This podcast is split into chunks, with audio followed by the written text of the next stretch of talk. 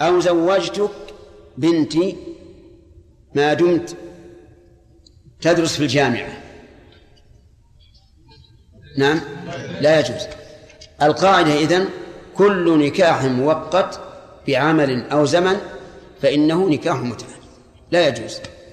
وذلك أن النكاح إنما يراد للدوام والبقاء. كما قال جل وعلا والله جعل لكم من أنفسكم أزواجا لتسكنوا إليها. وجعل بينكم مودة ورحمة. لو نوى أن, أن لو نوى الزوج أن يكون النكاح مؤقتا بمعنى أنه نوى أنه تزوج هذه المرأة ما دام في هذا البلد ثم إذا فارق طلقها. فهذا فيه خلاف بين أهل العلم. منهم من قال إنه متعة وهذا هو المذهب أنه متعة. وإذا كان متعة كان حراما. والوطء بهذا سفاح وزنا لأنه يعتقد أنه حرام. وهذا القول له دليل. الدليل قول النبي صلى الله عليه وعلى آله وسلم إنما الأعمال بالنيات وإنما لكل امرئ ما نوى. وهذا الرجل نوى أن يكون هذا النكاح إيش؟ مؤقتا. ثانيا نكاح التحليل سبق أنه محرم سواء شرط التحليل في العقد أو نواه الزوج. قالوا فإذا كانت نية التحليل في نكاح التحليل معتبرة فكذلك نية آه، المتعة تكون معتبرة. والذين قالوا بالجواز قالوا إن إن هذا لم يذكر في العقد. هذا الشرط لم يذكر في العقد. والإنسان إذا تزوج امرأة مخير إن شاء طلقها وإن شاء أبقاها. ثم إنه قد يكون من نيته أن أن يطلقها إذا غادر البلد ثم يرغب فيها ويبقيها.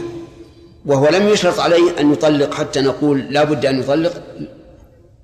فما دام الأمر راجعا إليه فإن هذه النية لا تؤثر. فيفارق إيش؟ نكاح المتعة يعني نكاح المتعة إذا تمت المدة انفسخ النكاح رضي الزوج أم أبى.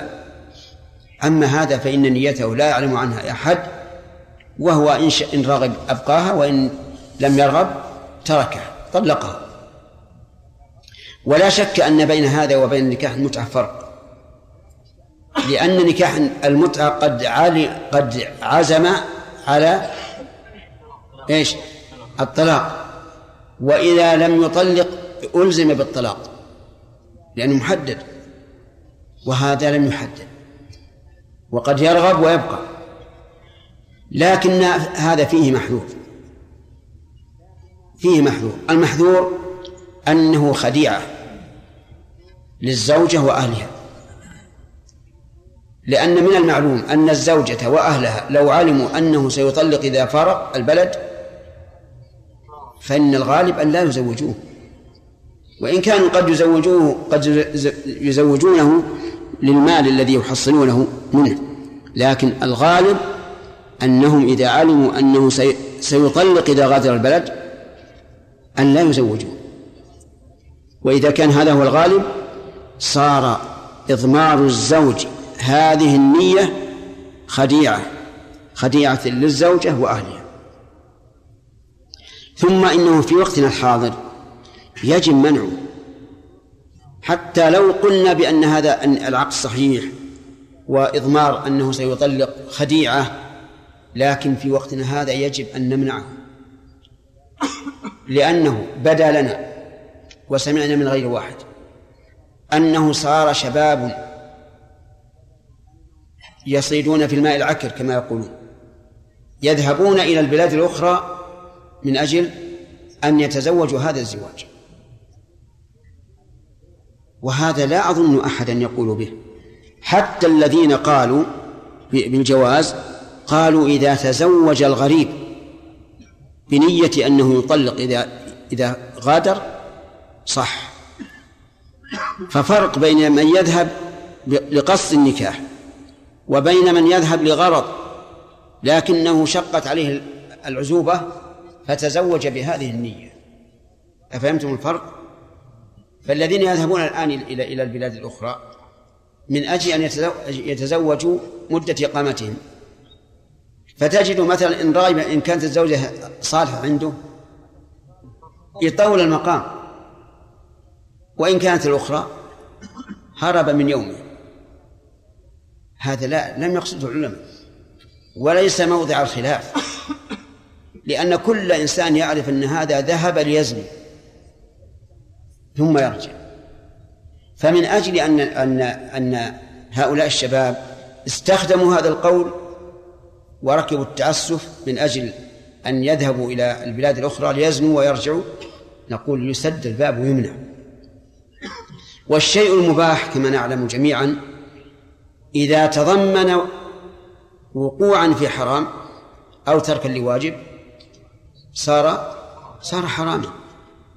وليس الشيء المباح يبقى مباحا على كل حال بل يبقى حراما. ولذلك لو سافر الإنسان في رمضان من أجل أن يفطر حرم عليه السفر والفطر. ولو أكل البصل من أجل أن يترك المسجد حرم عليه أكل البصل. فالمباح لا يعني أنه مباح في كل حال.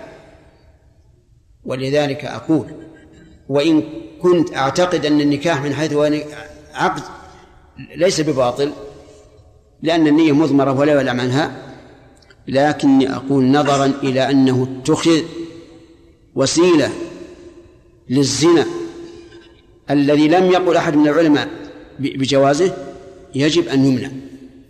وأن لا ينشر هذا القول بين بين الناس. طيب يقول نرجع إلى كلام المؤلف يقول رحمه الله أو إذا جاء غد فطلقها تزوجتك بنتي. والليلة الثلاثة. لكن صباح الأربعاء طلقها يجوز ولا ما يجوز؟ ما يجوز لأن هذا وقته ولم يأتي في الشرع. أن النكاح يراد للطلاق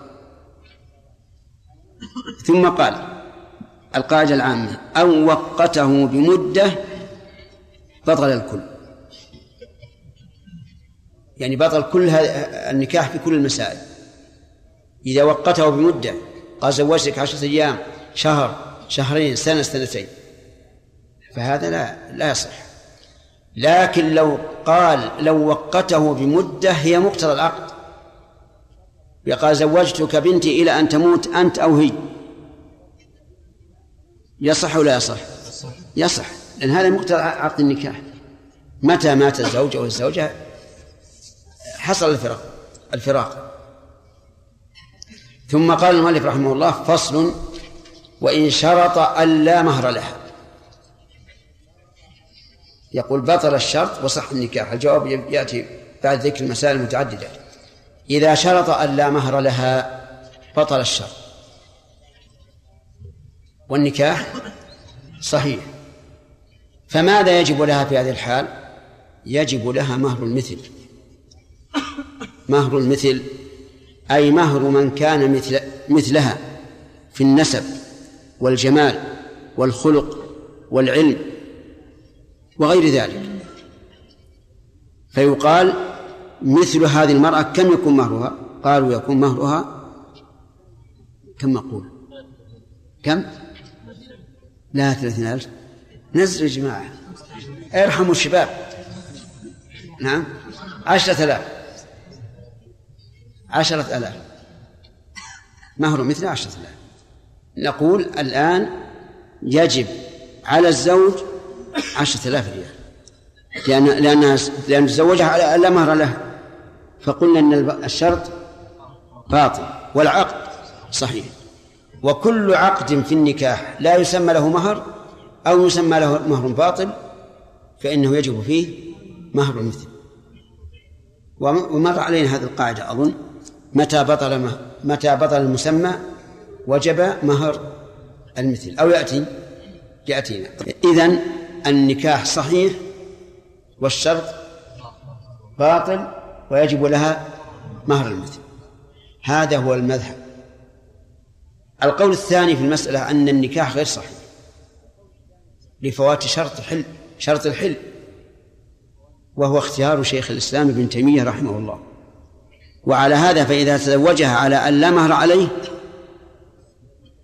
فالنكاح باطل. لا تحل له. فإن وطئها بهذا العقد وجب لها مهر المثل بالوطئ لا بالعقد لأن العقد غير صحيح. الدليل الدليل أن الله سبحانه وتعالى قال في الكتاب العزيز وأحل لكم ما وراء ذلكم. إيش؟ أن تبتغوا بأموالكم. شرط. يعني أحل لكم بهذا الشرط. ومعلوم أنه إذا فات الشرط فات المشروط. صالح. وين رحت؟ معي؟ طيب. هذا دليل. الدليل الثاني أن الله سبحانه وتعالى ذكر فيما أحل لنبيه صلى الله عليه وعلى آله وسلم المرأة تهب نفسها للرسول. فقال وامرأة مؤمنة إن وهبت نفسها للنبي إن أراد النبي أن يستنكحها خالصة لك من دون المؤمنين. أفهمتم؟ لو قلنا بجواز بصحة النكاح مع شرط انتفاء المهر لكان هذا هو الهبة تماما. هذا هو الهبة. والعبرة بالمعاني لا بالألفاظ. والهبة لا لا لا تصح إلا للرسول صلى الله عليه وعلى آله وسلم. الدليل الثالث أن النبي صلى الله عليه وعلى آله وسلم لم يزوج الرجل الذي طلب منه أن يزوجه الواهبة نفسها للرسول صلى الله عليه وسلم إلا إيش؟ إلا بشيء إلا بمهر. حتى انتهى إلى أن يكون مهرها أن يعلمها القرآن أن يعلمها ما معه من القرآن. فلا بد من مهر. وكلام الشيخ رحمه الله هو الصواب. وبناء عليه لو وقع هذا النكاح بهذه الصفة زوجتك بنتي فقال قبلت بلا مهر. نقول لا لا عقد. لا عقد. ويجب أن يفرق بينهما. المذهب ماذا يقولون؟ يقول العقد ثابت وصحيح وعليه مهر المثل. طيب هذه واحدة. قال أو لا نفقة. اشترط الزوج أن لا ينفق عليها. ومعلوم أنه يجب على الزوج أن ينفق على زوجته إذا عقد عليها وتسلمها. وجب عليه أن ينفق. لكن الرجل قال أنا شرط أن لا أنفق عليها. فقبلت. فالنكاح صحيح. النكاح صحيح. لأن هذا لا لا يعود إلى نفس العقد. ولكن الشرط غير صحيح. لماذا؟ لأنه يخالف مقتضى العقد. لقول النبي صلى الله عليه وسلم ولهن عليكم رزقهن وكسوتهن بالمعروف. ذكر هذا في خطبة حجة الوداع. فإذا أسقط إذا أسقط فهذا مخالف للحديث. وقد قال النبي صلى الله عليه وسلم كل شرط ليس في كتاب الله فهو باطل وإن شرط مئة مرة فإنه لا يصح. واضح؟ إذن إذا شرط أن لا نفقة وتم العقد ثم طالبته من الغد بالنفقة فقال إنه شارط أن لا نفقة عليه. ماذا نقول؟ يلزم بالنفقة يلزم بالنفقة. كذلك أيضا هناك مع الدليل تعليل. التعليل أن هذه المرأة أسقطت حقها قبل ثبوته متى تثبت النفقة؟ بعد هذه أسقطتها قبل ثبوتها. فلا يصح. طيب لو أنه بعد العقد ورأت الزوجة أن زوجها سوف يطلقها.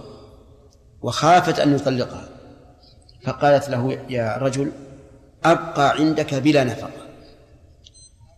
فوافق. يجوز أو لا يجوز؟ هذا يجوز لأنه إسقاط للحق بعد ثبوته. لكنهم قالوا رحمهم الله لو عادت فطالبت وجبت لها النفقة. تجب لها النفقة لأن المستقبل لها الحق أن تطالب به. وهذا صحيح. إلا إذا وقع ذلك على وجه المصالحة. بأن خيف الشقاق بينهما أي بين الزوجين ثم تصالحا على أن لا نفقة. فهنا يلزم عدم النفقة. لأن هذا فائدة المصالحة. لو قلنا إذا تصالح على عدم النفقة فلها أن تطالب بالنفقة بعد ذلك أصبح الصلح إيش؟ لغوا لا فائدة منه. الخلاصة إذا شرطت لا إذا شرطت شرط الزوج أن لا نفقة قبل العقد. ثم عقد على هذا الشرط فالعقد صحيح والشرط باطل. إذا أسقطت المرأة نفقتها بعد العقد فالإسقاط صحيح لكن لها أن تطالب عن المستقبل. إذا جرى ذلك بينهما صلحا بأن خيف الشقاق بينهما وتصالحا على أن لا نفقة. فهنا إيش؟ ليس ليس لها أن تطالب بالنفقة لأنه جرى الصلح عليها. فليس لها أن تطالب لأن فائدة الصلح أن يمضى ويثبت وإذا لم تمضي ولم تثبت فأي فائدة في الصلح؟ قالت أو أن يقسم لها أقل من ذرتها أو أكثر. اشترطت أن يقسم لها أكثر من ذرتها الشرط باطل والنكاح صحيح. لماذا يبطل الشرط؟ لأنه عدوان على ضرتها. رجل عنده زوجة وتزوج أخرى. القسم بين بين الأولى والثانية يكون بالتساوي يوم لهذه ويوم لهذه.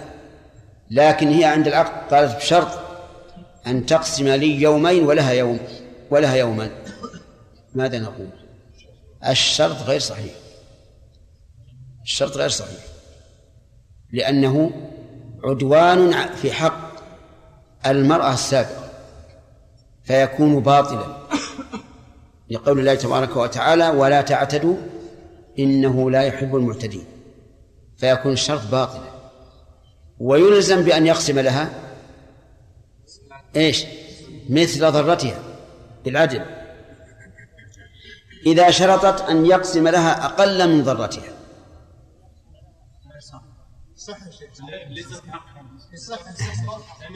الله غريب. المؤلف يقول ما يصح. لا بس المؤلف يقول ما يصح.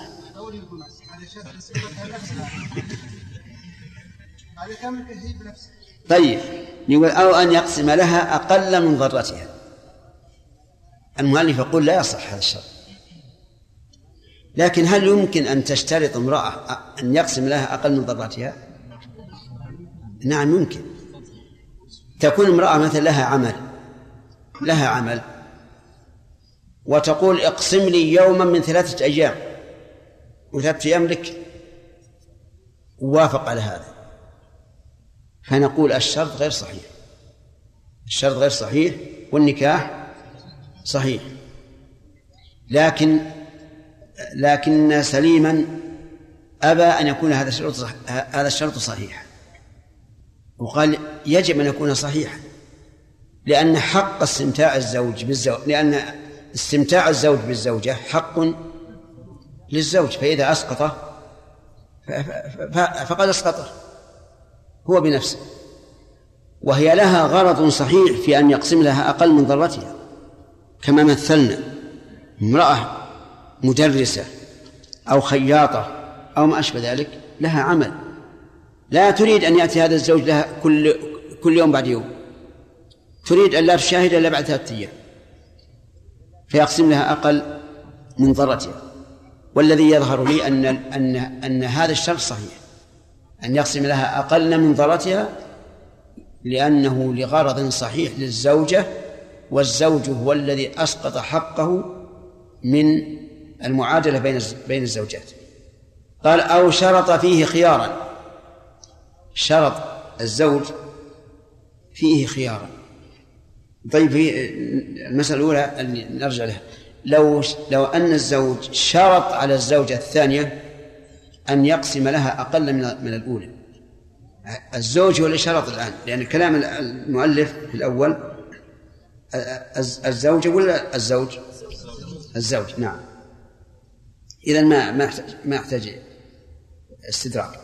قال أو شرط فيه خيارا شرط الزوج فيه خيارا فإن النكاح لا يصح. طيب ولو شرطت الزوجة خيارا يصح أو لا يصح؟ امرأة خطبها إنسان وقالت لا مانع لكن لي الخيار. فعقد على هذا الأساس. وحددوا الخيار بشهر. قالت لي خيار لمدة شهر. لتنظر هل الرجل حسن الأخلاق حسن المعاملة أو لا. فأعطاها الشر. هل يصح أو لا يصح؟ لا يصح. لأن النكاح عقد لازم وليس فيه خيار مجلس فلم يكن فيه خيار شرط. أليس كذلك؟ النكاح عقد لازم وليس فيه خيار مجلس. فلا يكون فيه خيار شرط كذلك لو أنه هو شرط الخيار. قال أتزوجها لكن لي الخيار لمدة شهر. يبي ينظر عن حال المرأة هي صالحة ولا غير صالحة؟ يصح أو لا يصح؟ لا يصح. طيب هل له أن يطلق إذا لم يرغب فيها؟ نعم. نعم. هل لها أن تطلق هي إذا لم ترغب فيه؟ لا. إذا قال قائل كونها تشترط الخيار المرأة يعني تشترط الخيار واضح أن فيه فائدة. إذ لو لم تشترط لم تتمكن من فراق الزوج. لكن الزوج كيف نقول لا يشترط الخيار وله وهو له أن يطلق بدون خيار؟ الفرق أنه إذا شرط الخيار استرد المهر كالخيار في البيع. إذا شرط الخيار في البيع ثم إن المشتري رد السلعة إيش؟ يرجع بالثمن. هذا إذا شرط الخيار فإنه إذا رغب فيه يرجع بالمهر. وإلا فلا فائدة بالنسبة للزوج. لأن الزوج إن لم يختر وش يسوي؟ يطلق وينتهي الموضوع. المرأة أيضا يصح أن تشترط الخيار من باب أولى لأن المرأة قد تغتر بمظهر الخاطب في فيكون ذئبا في جلد شاة. وهذا واقع. وما أكثر النساء اللاتي يقولن إنهن رغبن في الخاطب بناء على مظهره وما يسمع عنه ثم صار من أسوأ عباد الله في المعاملة.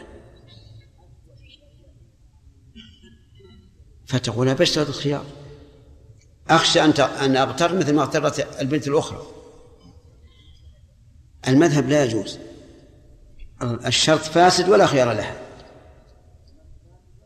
والقول الراجح أن لها الخيار. القول الراجح أن لها الخيار لأن هذا لزوم النكاح حق للزوجين فإذا أسقط أحدهما حقه من اللزوم فلا مانع.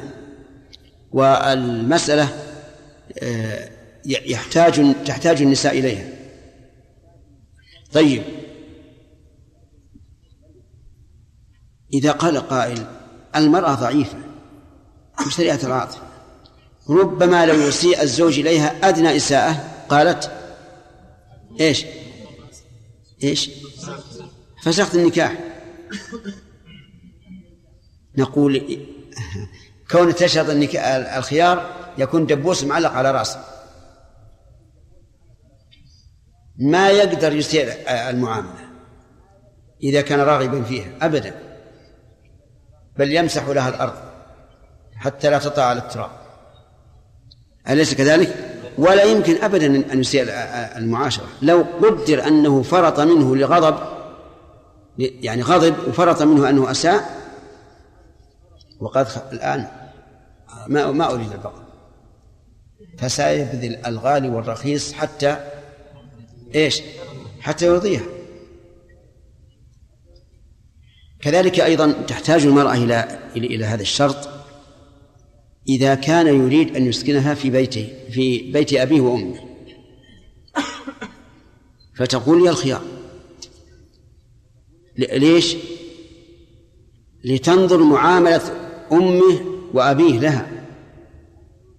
لأن كثيرا من الوالدين مع الأسف إذا رأيا أو إذا رأى كثيرا إذا رأى أن علاقة الزوج بزوجته قوية. حسدوها وأصابتهم الغيرة حتى يطلق امرأته وهذا ما أقوله يعني فرضا هو واقع. فتقول أنا بنظر إن رضيت البقاء مع أهلك فهذا المطلوب وإلا فلي الفصل فهذا شرط لغرض صحيح ومفيد أيضا. فتبين الآن أن القول بأن شرط الخيار لكل من الزوجين على الآخر جائز ولازم وصحيح. وهذا اختيار شيخ الإسلام ابن تيمية رحمه الله أنه إذا شرط الخيار فلا بأس. نعم. صحة شرط الزوج. نعم. ثم اشترط الشهر ووضع عن الشهر واستمتع بها ثم في هذا الشهر قال والله ما أرضاها استرد المهر وكان قد وضع إي نعم. ما في إشكال. مثل ما لا ظهر بها عيب. لكن الفرق إن العيب عيب لم يشترط. وهذا حق اشترط فرضه على الزوجة وأوليائه. ما يضر. هي راضية. هي راضية. كما لو كان بها لو وجد بها عيبا. العيب يخالف مقتضى العقد فله الخيار و, و والمهر يرجع به على من غره إذا لم يكن إذا أحد غره نعم. نعم. لا يحتج أصحاب نعم. لا. نكاح المتعة مؤقت. مشروط في العقد إنه عشرة أيام شهر سنة. ما يخالف. قال يا خير لا بأس. العقد تام الآن. ما قال إني بطلق في هذا الشهر. نعم. وإذا مضى الشهر وهو ما اختار يبقى النكاح لازم. نعم. النفقة لا تلزم الزوج إذا لم يتمكن من زوجته إذا تعقد عليها ولم يتمكن منها. يعني نعم. ما قلنا هذا يعني إذا عقد عليها قلنا إذا عقد عليها وتسلمها. إيه هذا هو. إذا ما تسلمها لا إذا لم يتسلمها ننظر. هل العرف جرى؟ بأن هذه المدة لا يتسلمها. إن كان الأمر كذلك فليس لها نفقة.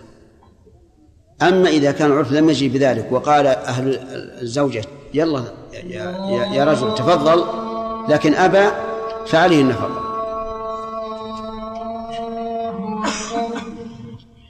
اللي يسأل عنه محمد جيد. الآن إذا إذا اختار قبل الدخول إذا اختار الفسق قبل الدخول وقد شرط الخيار فليس فلا يلزمه نصف المهر ولا إشكال في هذا. بقينا إذا إذا جامع فقد قلنا إنه يسترد المهر لا يلزمه لأنه شرط الخيار قياسا على البيع والشراء. إذا اختار المشتري أن يفسخ فإنه يرجع بالثمن.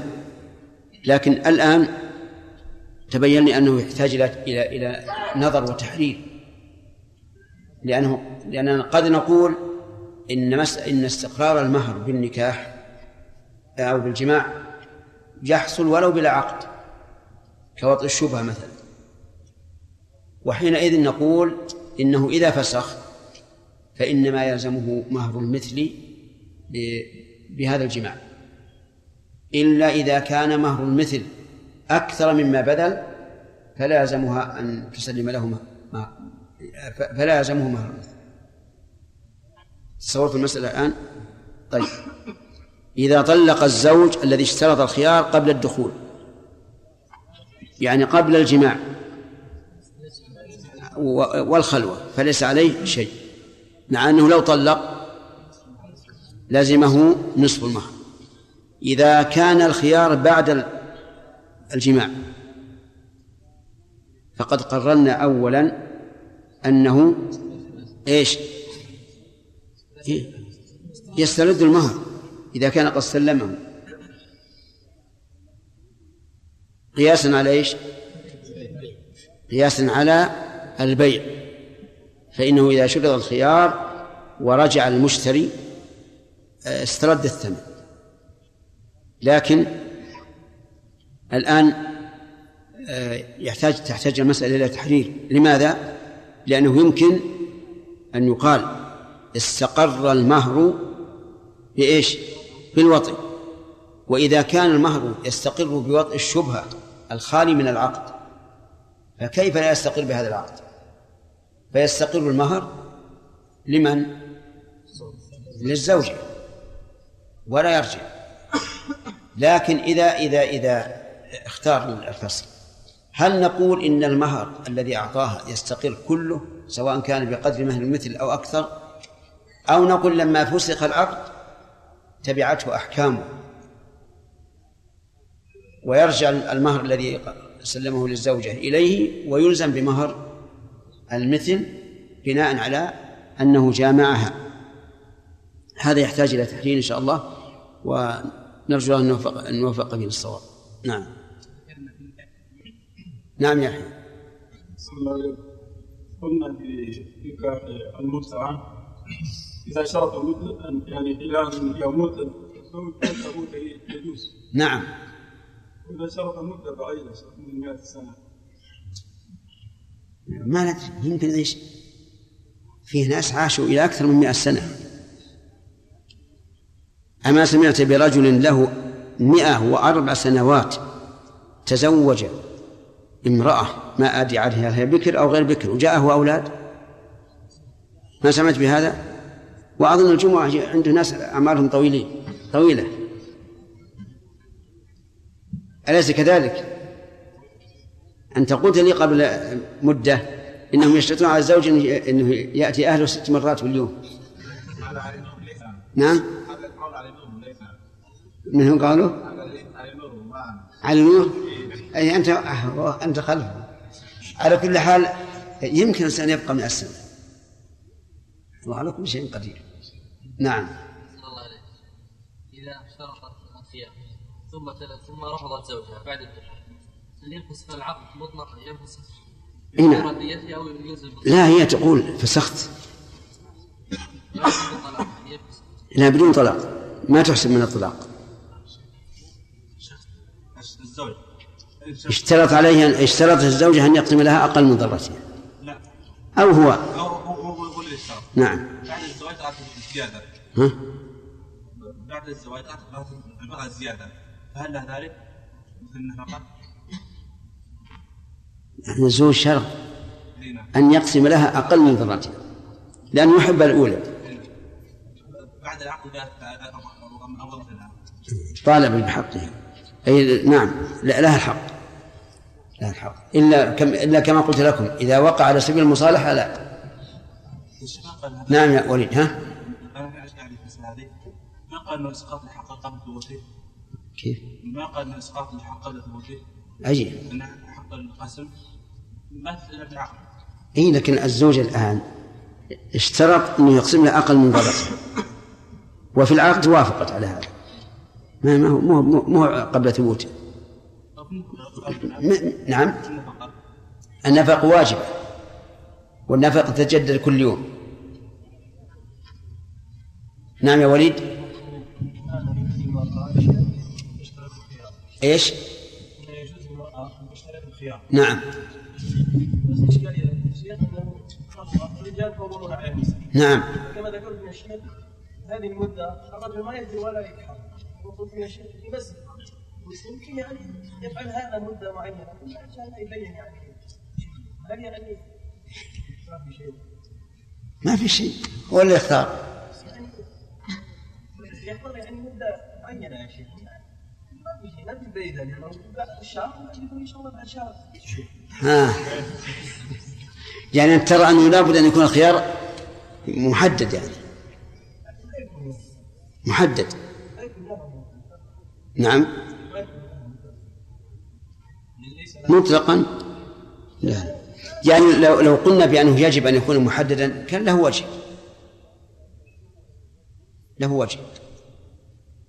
لئلا تبقى كما أشرت إليه تبقى دبوس معلق على رأسه أنه يتحرك ويسأل المعاملة. يعني لو قيل بالتحديد لكان له وجه.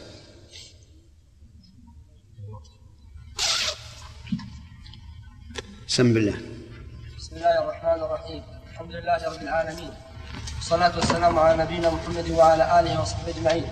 قال الحجاوي رحمه الله تعالى في كتابه زاد المستقنع في كتاب النكاح فصل وإن شرط أن لا مهر لها أو لا نفقة أو أن يقسم لها أقل من ضرتها أو أكثر أو شرط فيها خيارا أو إن جاء بالمهر في وقت كذا وإلا فلا نكاح بينهما بطل الشرط وصح النكاح. وإن شرطها مسلمة فبانت كتابية أو شرطها بكرا أو جميلة أو نسيبة أو نفي عيب لا ينفسخ فيه النكاح فبانت بخلافه فله الفسخ. وإن عتقت تحت حر فلا خيار لها بل تحت عبد.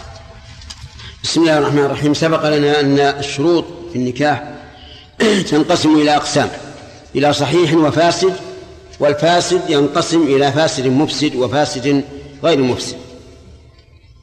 يقول المؤلف رحمه الله في هذا الفصل وإن شرطت أن لا مهر لها. إن شرط الزوج أن لا مهر لها. فالنكاح صحيح والشرط فاسد. وفي هذه الحال يجب لها مهر المثل. لأنه لا بد من مهر.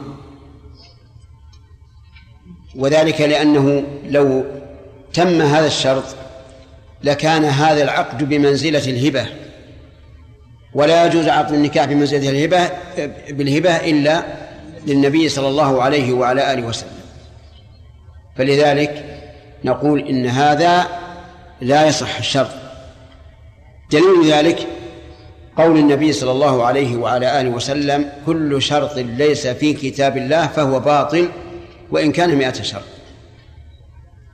واختار شيخ الإسلام رحمه الله في هذه المسألة أنه إذا شرط أن لا مهر لها فالنكاح باطل لا يصح. فيكون هذا الشرط من القسم المفسد يعني من القسم الفاسد المفسد. وما ذهب إليه الشيخ فهو الحق. لأنه إذا شرط أن لا مهر لها فقد صار العقد عقد هبة بلا شك. وهذا خاص بالنبي صلى الله عليه وعلى آله وسلم. ولأن الله تعالى قال في كتابه العزيز وأحل لكم ما وراء ذلكم أن تبتغوا بأموالكم وهذا لم يبتغ بماله فلا تحل له. كذلك شرط ألا نفقة فإن الشرط غير صحيح والنكاح صحيح. لماذا لا يصح إذا شرط أن لا نفقة لها؟ قالوا لأن هذا يخالف مقتضى العقد.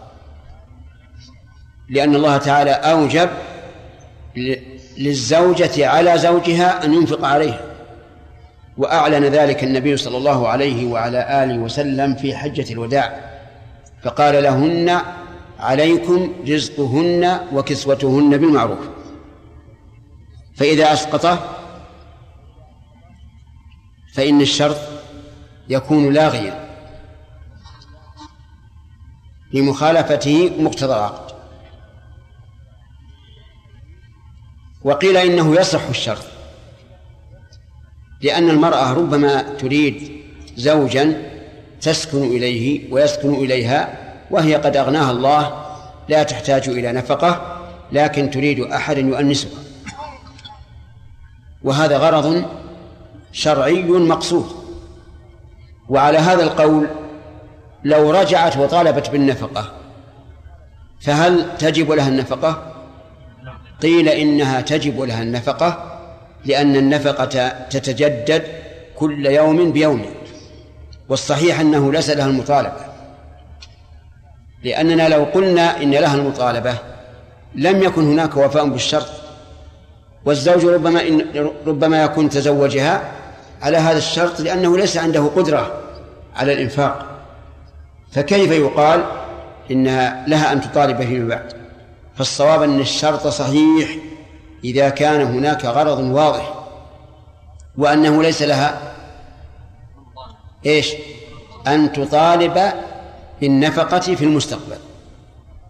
شرط أن يقسم لها أقل من ذرتها أو أكثر. فالشرط غير صحيح. أما إذا شرط أن يقسم أو شرطت هي أن يقسم لها أكثر من ذرتها فلا شك أن الشرط فاسد. لأنها لأن في هذا اعتداء على حق الأخرى. ولقول النبي صلى الله عليه وعلى آله وسلم من كانت له امرأتان فمال إلى إحداهما جاء يوم القيامة وشقه مائل فمثل إذا كان عنده زوجة سابقة واشترطت الجديدة أن يقسم لها أكثر منها بأن يعطيها يومين والأولى يوم يوما واحدا. فهذا عدوان. ولا يمكن أن أن, أن نقول إن هذا الشرط صحيح بل هو شرط فاسد ولا تطالبه بأكثر مما يجب لها من القسم. إذا شرط هو أن يقسم لها أقل من ذرتها فظاهر كلام المؤلف أن الشرط غير صحيح. أنه شرط باطل ولا آه، يلزمه. والصحيح أنه شرط صحيح. وجه ذلك أن هذه المرأة لها أن تسقط القسم بدون شرط. كما فعلت أم المؤمنين سودة بنت زمعة حين أسقطت قسمها ووهبت يوم يومها لعائشة رضي الله عنها. والحق لها. ثم هو أيضا قد يحتاج إلى هذا. فتكون المرأة محتاجة إلى زوج. ويقول أنا أنا لا أريد أن أقسم لك كما أقسم لأم أولادي. أقسم لك أقل بأن يكون لأم أولاده يومان ولها يوم. أو يقول اجعليني في حل من القسم مطلقا.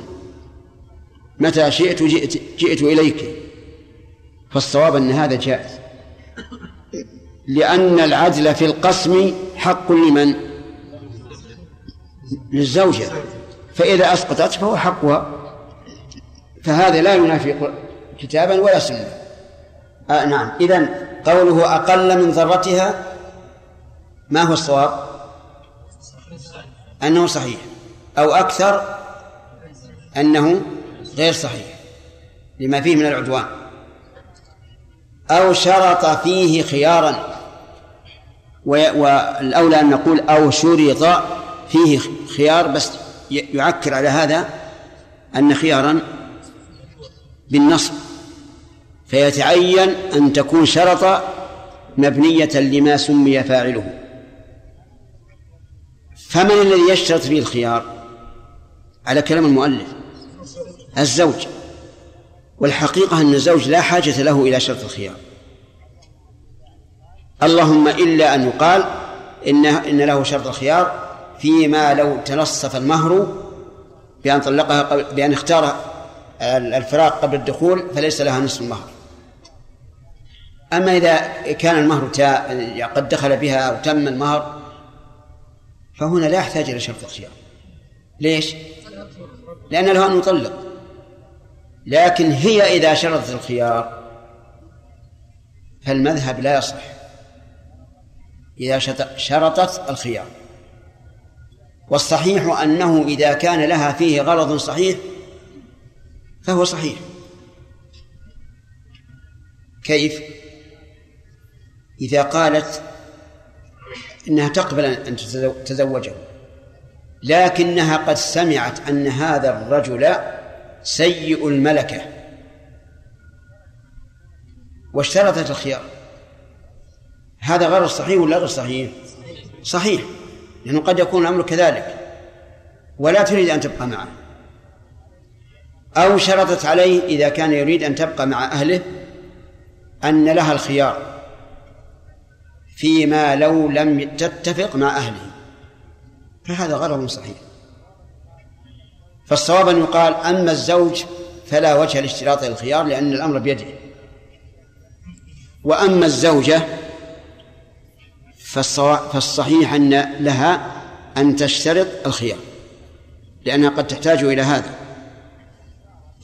طيب إذا اختارت الفسخ فإن كان بعد الدخول فمهرها بحاله وإن كان قبل الدخول فليس لها مهر. والمراد بالدخول هنا الخلوة والجماع. قال أو, أو إن جاء بالمهر في وقت كذا وإلا فلا نكاح بينهما. شرطت هي على الزوج إن جاء بالمهر في خلال شهر وإلا فلا نكاح بينهما. يقول المؤلف إن هذا الشرط غير صحيح. والنكاح؟ إيش؟ صحيح. وماذا تفعل إذا لم يأتي به في الوقت المحدد؟ يبقى في ذمته. يبقى في ذمته وتطالبه به لدى القاضي ويحكم له بوجوب الدفع. فلا نعم بطل الشرط وصح النكاح. فإن قال قائل ما دليلكم على أن من الشروط. ما يبطل ولا يبطل ما هو الدليل على أن من الشروط ما يبطل ولا يبطل لماذا لا نقول كل شرط باطل فإنه يبطل فالجواب أن دليل على هذا حديث بريرة رضي الله عنها. فإن بريرة جارية مملوكة. كاتبها أهلها على تسع أواق من الفضة. يعني قالوا لها إن جئت إلينا بتسع أواق من الفضة فأنت حرة. جاءت إلى عائشة تستعينها فقالت عائشة إن أحب أهلك أن أنقدها لهم ويكون ولاؤك ولاؤك لي ولاؤك لي. فعلت فذهبت إلى أهلها وأبوا. قالوا ما يمكن الولاء لنا. فسمع النبي صلى الله عليه وعلى آله وسلم بذلك فقال لها خذيها واشترطي لهم الولاء فإنما الولاء لمن أعتق. فاشترتها على هذا الشرط وأبطل النبي صلى الله عليه وسلم ذلك الشرط وصحح العقد الذي هو البيع. فهذا يدل على أن على أنه يمكن أن يوجد شرط فاسد ولا ولا يفسد العقد. والغالب أن الشرط الفاسد الذي لا يفسد هو الذي يعود إلى وصف العقد لا إلى ذات العقد. أما ما يعود إلى ذات العقد فهذا لا يمكن أن يصحح العقد معه. وأما ما يعود إلى وصفه فيقال بطل الوصف وصح العقد. إذا بطل الشرط. إذا بطل الشرط. فهل لمن له الشرط أن يفسخ؟ نقول أما في عقد المعاوضات فنعم. في عقد المعاوضات له أن يفسخ إذا كان ممن يجهله ذلك.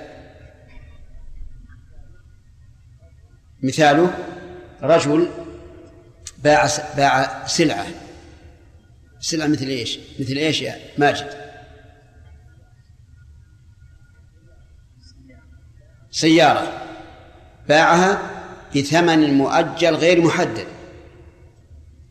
فالعقد صحيح ولا غير صحيح؟ نشوفها الثمن معلوم لكن وصف الثمن الذي هو الأجل مجهول فالعقد الأخ العقد صحيح. والشرط غير صحيح. لأنه أجل بأجل غير معلوم. لو أن هذا الذي شرط التأجيل إلى أجل غير معلوم وقلنا التأجيل هذا غير صحيح ويجب أن تسلم الثمن نقدا. قال ما عندي شيء. هل له أن يفسخ؟ الجواب نعم. إذا كان جاهلا لأنه فات غرضه. والرجل ليس بمعاند حتى نلزمه بما التزم به بل هو جاهل. فنقول لك الآن أن تفسخ. لما كان الأجل الذي كنت اشترطته فات عليك فلك أن تفسخ. لأنك لأنه جاهل. أما في مسألة النكاح فلا يمكن أن نقول له فسخ لأن عقد النكاح ليس معاوضة محضة. يعني لا يقصد به المال قصدا أوليا. ما المقصود بالنكاح؟ الاستمتاع وطلب الأولاد وتحصين الفرج وما أشبه ذلك. فنقول من فاته شرطه فإنه يلغو عليه عليه وليس له الفسخ. طيب يقول رحمه الله وإن شرطها مسلمة فبانت كتابية.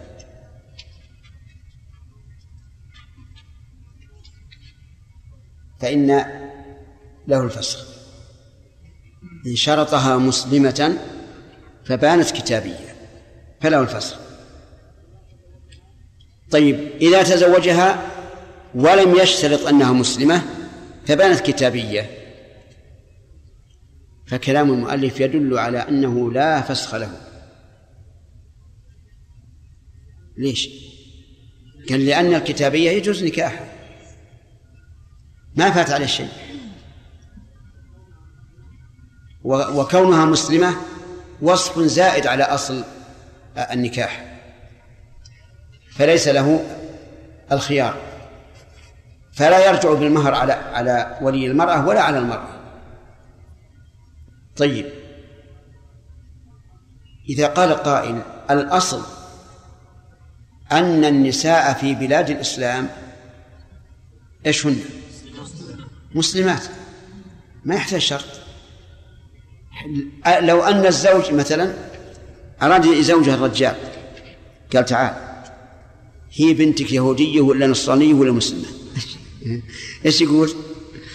يبي يطلق لنا صالغة ويقول خلاص ما أنا مزوجك تسعى بنتي يهودية ولا نصرانية؟ سبحان الله. على على كلام المؤلف إذا لم يشترط أنها مسلمة فبانت كتابية. ما له شيء النكاح صحيح ولا له شيء. وهذه مشكلة دي لكن هذا القول لا شك أنه من أضعف الأقوال. لأن الأصل في البلاد الإسلامية أن من فيها فهو مسلم. طيب إذا قال قائل البلاد هذه فيها مسلمون وكتابيون. وتبين أن الزوجة كتابية. هل له الفسخ؟ نقول هل الأب الذي زوج هل هو مسلم ولا غير مسلم؟ إذا قال مسلم إن معناه أن البنت مسلمة. إذا قال كتابي حينئذ نقول لابد أن يشترط الزوج أنها إيش؟ أنها مسلمة. لأن الأصل في الكتاب أن يكون أهله كتابيين. ومثل ذلك لو غلب على البلد كون أهلها كتابيين. فلا بد من الشر. لا بد من الشر. تغليبا لمن؟ ليش للأكثر. أما بلاد مسلمة نقول إذا تزوج وتبين المرأة هذه مثلا ذهبت إلى أمريكا ولا إلى بلد آخر وتهودت أو تنصرت يقول ليش ما شرطت؟ هذا ما بصحيح. طيب إذا إذا شرطها بكرا فبانت ثيبا له الفسخ أو لا؟ انتبهوا يا جماعة. شرطها بكرا فبانت ثيبا. نعم. له الفسخ. لماذا؟ المرأة اللي تكون بكر ليلة الزفاف تكون في الليلة الثانية؟ إيش؟ ثيبا. ما, ما فات شيء. نقول قدر انك إنك ما ما أتيتها الليلة قدر إنك أتيتها البارحة. فهي الآن ثيب. نقول لا بينهما فرق. اولا كونها ثيبا يحتمل أنها من زوج سابق في نكاح صحيح ويحتمل أنه من من فاحشة ما ندري ويحتمل أنها مكره. فتعذر بالإكراه لكن ربما يقع في قلبها تعلق لهذا الزوج الذي فعل فيها الفاحشة. المهم إذا شرطها بكرا فبانت ثيبا فله الفصل. والفائدة من قوله له فصل أنه يرجع بالمهر على على من غر من الزوج من الولي أو الزوجة. إذا لم يشترطها إذا لم يشترط أنها بكر. ولم يعرف أن المرأة قد تزوجت ثم دخل عليها ووجدها ثيبا. هل له الخيار؟ لا على كلام المؤلف لا. ما له خيار. لماذا لا يشترط؟ وهذه أيضا مشكلة. يعني هل نقول من اللائق عندما يقول الولي زوجتك بنتي أن يقول الزوج هي بكر ولا غير بكر؟ عجيب يا جماعة أبدا مو من اللائق.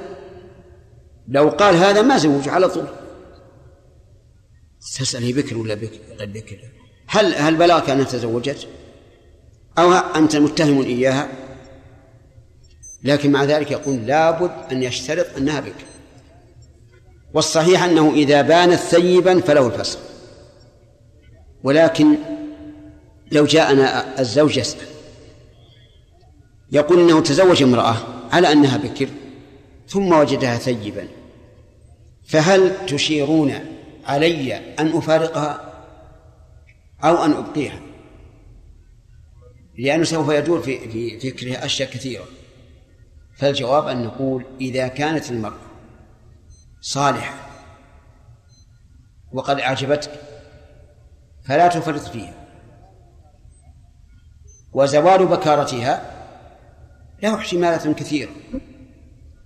قد تكون أجبرت على الفاحشة وقد تكون هي عبثت بنفسها حتى زادت البكارة وقد تكون آه، سقطت وقد تكون آه، يعني زلقت. المهم أن زوال البكارة له أسباب حتى على أسوأ تقدير إذا قدرنا أنها زنت باختيارها وتابت. تحل أو لا تحل؟ تحل لأنه زال, زال عنها وصف الزنا. ففي مثل هذه الحال إذا استشارنا نشير عليه بالإمساك. فإن قال إن نفسي الآن عافتها. ولا يمكن أن تبقى عندي. نقول الأمر واسع طلقها لكن يجب عليك ألا تفشي أنك طلقتها من أجل هذا. لما في ذلك من الإساءة إليها وعلى أهلها أيضا. والإنسان يجب أن يعامل الناس كما يحب أن يعاملوه به. المهم أن الرجل إذا تزوج امرأة ووجدها غير بكر فلا خيار له إلا إذا إلا إذا اشترط. نعم. أو وجد أو شرط نعم. أو شرطها جميلة ثم تبين أنها قبيحة. اشترط في العقد أنها جميلة. قال نعم جميلة دخل عليها وإذا هي مشكلة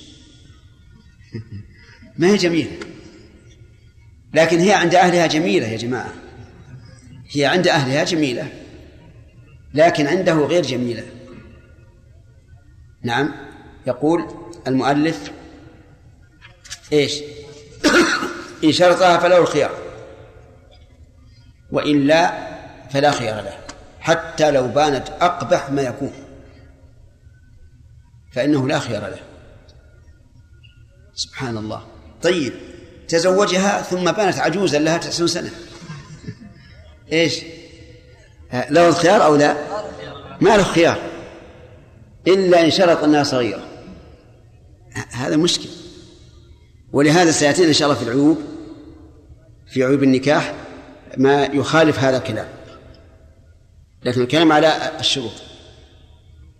ومن ثم ندب الشرع إلى أن ينظر الخاطب إلى مخطوبته قبل العقد. من أجل إيش؟ أن يقدم عن علم وخبرة.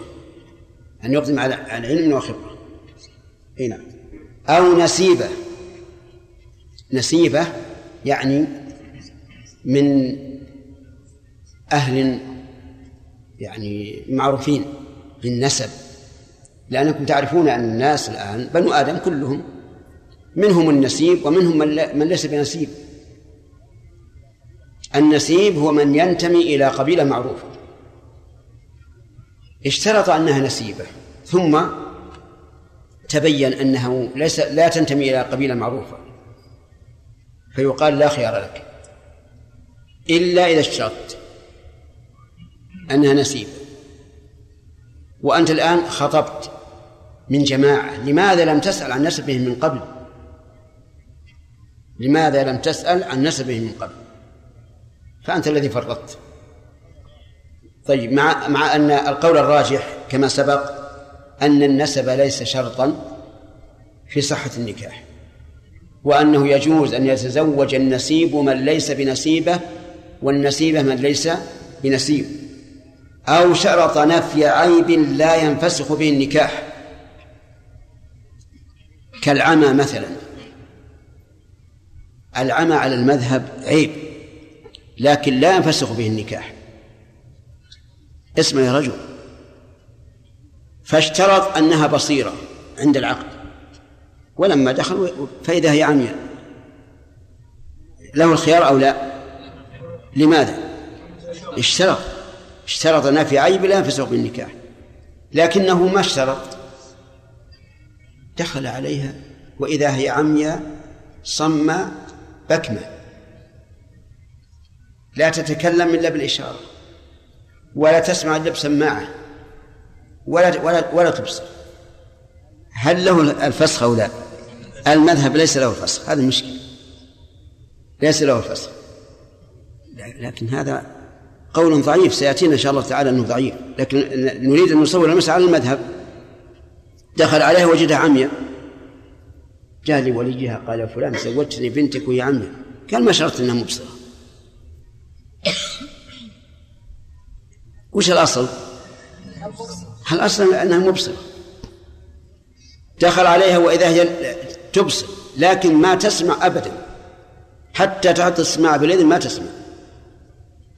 إيش المشكلة؟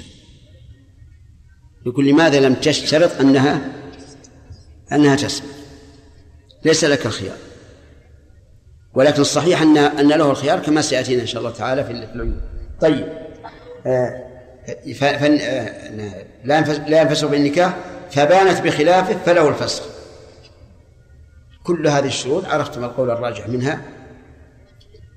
وإن عتقت تحت حر فلا خيار لها بل تحت عبد. المسألة صورتها. جارية يعني مملوكة تزوجها الإنسان. ثم إن سيدها أعتقها. فإن كان الزوج حرا فلا خيار لها لأنها لم ترتفع عليه. هي صارت حرة والزوج كان حرا. وإن كان عبدا فلها الخيار لأنها صارت أعلى منه. هذا كلام المؤلف. إن اعتقد تحت حر فلا خيار لها بل تحت عبد. وأصل هذه المسألة حديث بريرة. وزوجها مغيث. بريرة اعتقت من اعتقها؟ من الذي اعتقها؟ عائشة رضي الله عنها. لما اعتقها خيرها النبي صلى الله عليه وعلى آله وسلم بين أن تبقى مع زوجها أو تفسخ النكاح. ففسخت النكاح. فسخت النكاح وكانت تبغض زوجها بغضا شديدا أعوذ بالله. وهو يحبها حبا شديدا. وهذا خلاف المعتاد. المعتاد أن القلوب إيش؟ شواهد كما قال علي بن أبي طالب رضي الله عنه وللقلب على القلب دليل حين يلقاه هذا الغالب. ولهذا قال النبي صلى الله عليه وعلى آله وسلم ألا تعجبون من حب مغيث لبريرة وبغض بريرة لمغيث؟ الجواب؟ بلى. المهم أنها اختارت الفسخ قالت ما بي. جعل زوجها مغيث يلحقها في أسواق المدينة يبكي. يبكي. يريد أن تبقى معه. قالت أبدا. فطلب من النبي صلى الله عليه وسلم أن يشفع له إليها. سبحان الله. شفع النبي عليه الصلاة والسلام. لأنه صلى الله عليه وسلم أحب أحب الناس للخير. اشفع تؤجر شفع. قالت والله يا رسول الله كانت تريد إن كنت تأمرني فسمعا وطاعة. وإن كنت تشير علي فلا حاجة لي فيه. قال لا بل أشير. قالت ما في.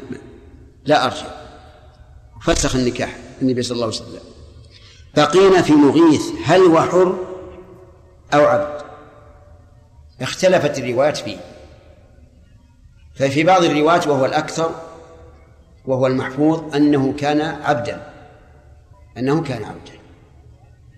والخيار في هذه في هذا واضح ولا غير واضح؟ واضح. في بعض الروايات أنه حر لكن فيه بعض الإشكال. شيخ الإسلام رحمه الله اختار أن لها الخيار سواء كان زوجها حرا أو عبدا. وعلل ذلك بأنها ازدادت صفة على صفة صفتها الأولى. ما صفتها الأولى؟ أنها مملوكة ما لها تصرف في نفسها. الآن تحررت فلها تصرف في نفسها فمن أجل ذلك جعل لها الخيار.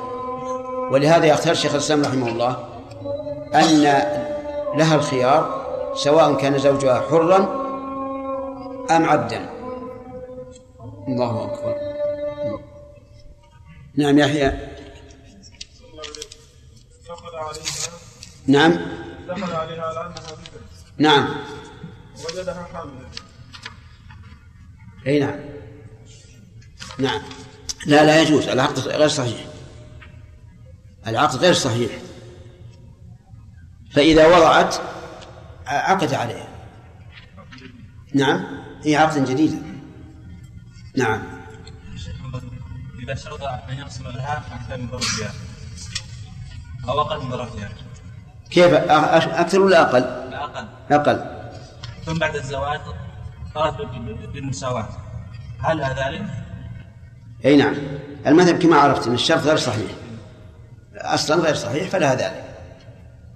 والقول الثاني ليس لها ذلك وهو الذي نراه لأن الرجل ما دخل إلا على هذا الأساس.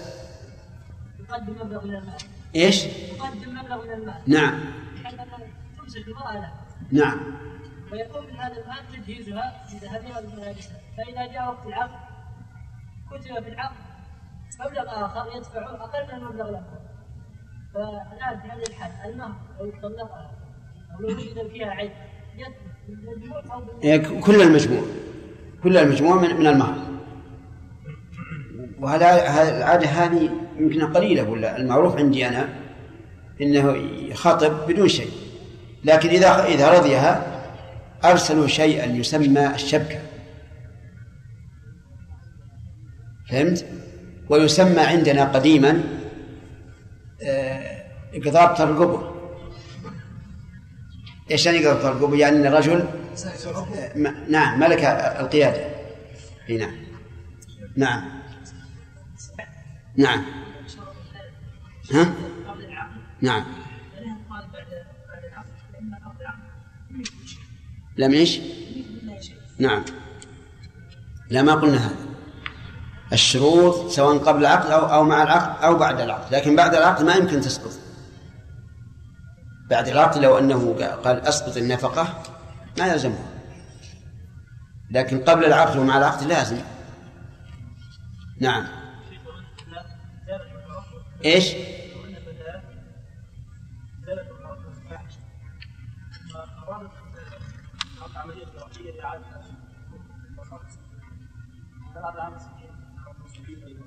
هذا لا يمكن أن نفتيك أن نفتيك به. لأن لو فتحنا هذا الباب صار في مفسدة كبيرة. نعم؟ والله بس أنا خلاص أب- أب- أبلصه بصبه. ما يفتح على المصاعيد. مشكل هذه. يعني لو- أذنا للنساء يفعلن هذا هذا الشيء كل امرأة تفعل فاحشة وتركب بكارة اي بعض البلاد بعض البلاد. نعم. ذكرنا ان الغالب في الشروط الفاسده وغير المفسده انه يرجع إلى معنى خارج لا إلى وصف. الغالب يرجع إلى إلى وصف. ما هو بلا ذات الشيء. آه، لماذا قلنا الغالب؟ لأن ما نقدر أخشى أن ترد علينا صورة وهي تعود إلى الوصف وت- وتفسد. فالاحتراز طيب. نعم يا صالح. غير موجود يا شيخ هذا؟ ما أقدر. إيش؟ اذا اشترط نعم. غير صحيح نعم. الذين قالوا ان لها مهر مثل تخلص من الاراده التي ذكرنا إي نعم. ما يمكن. لأن أصل العقد تم. تم على أنه لا مهر. ولهذا نقول لو سكت عن المهر ما قدر فالنكاح صحيح ويفرض لها المهر المثل بخلاف ما إذا شرط عدمه. محمد يقول انتهى الوقت. هذا استعينوا بالله وتوكلوا على الله ما فيها شيء. لا تهيبون. نعم. تسميع طيب.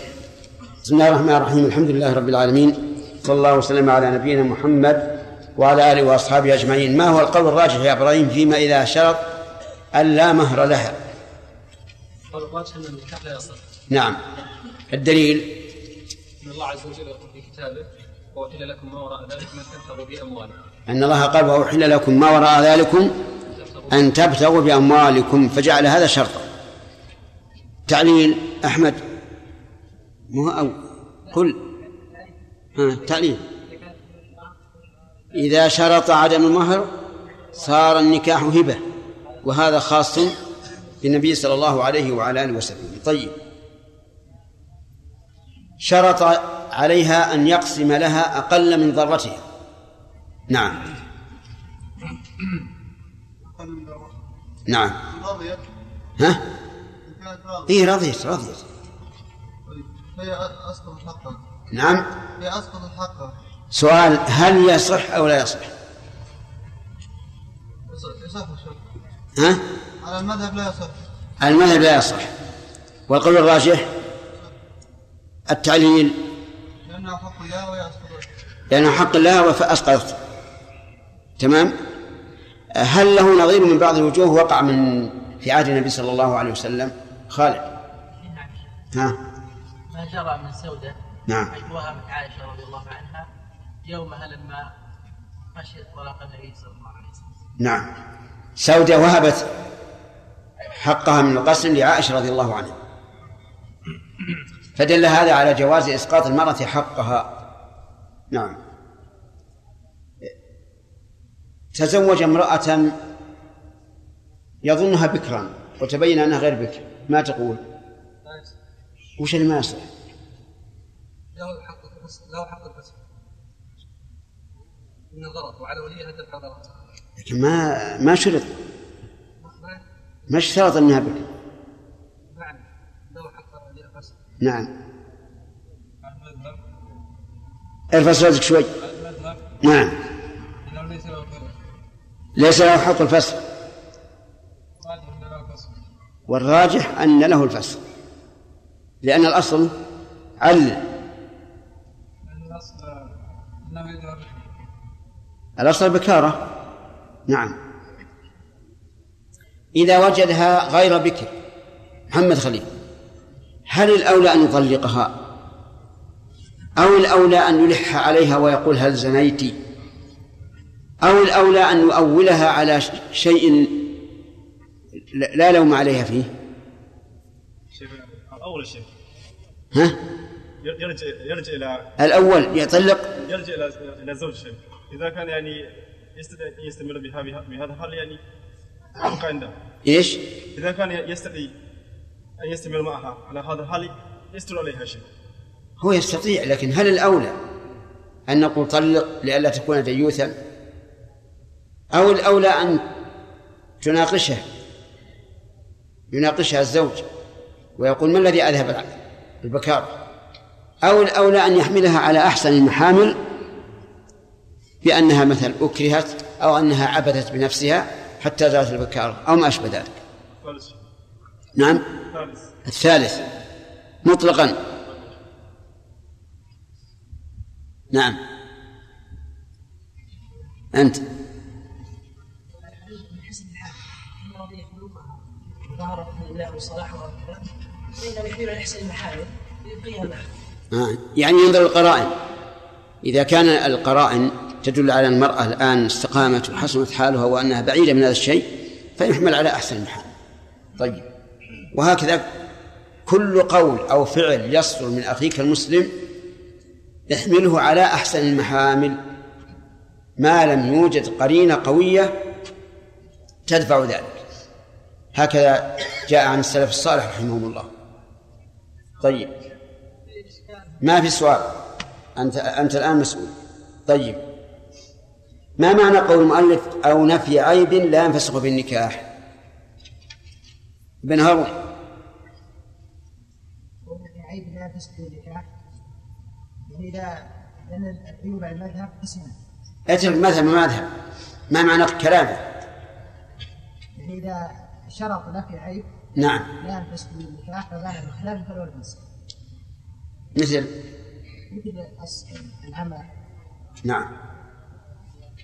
تزوج امرأة ودخل عليها فإذا هي عمياء أو عوراء أو عرجاء هل له الفسخ؟ ها؟ فصل. نعم. وإلا فلا. تمام. هذا المذهب وسيأتي إن شاء الله في هذا. بقي مسألة ما ذكرها المؤلف وهي مهمة. نذكرها الآن. لو أنها هي شرطت أن الزوج جميل أو أنه نسيب أو ما أشبه ذلك فتبين بخلاف هذا. هل لها الفسخ أو لا؟ المذهب ليس لها الفسخ المذهب ليس لها الفسخ ذلك لأن الجمال إنما يراد في المرأة. كما قال النبي صلى الله عليه وسلم تنكح المرأة لأربع لمالها وحسبها وجمالها ودينها فاظفر بذات الدين. الرجل قال فيه إذا أتاكم من ترضون دينه وخلقه فأنكحوه. ولا ذكر الجمال. فإذا شرطت أن الزوج جميل ولما دخل عليها وإذا هو لا تحب أن تنظر إليه.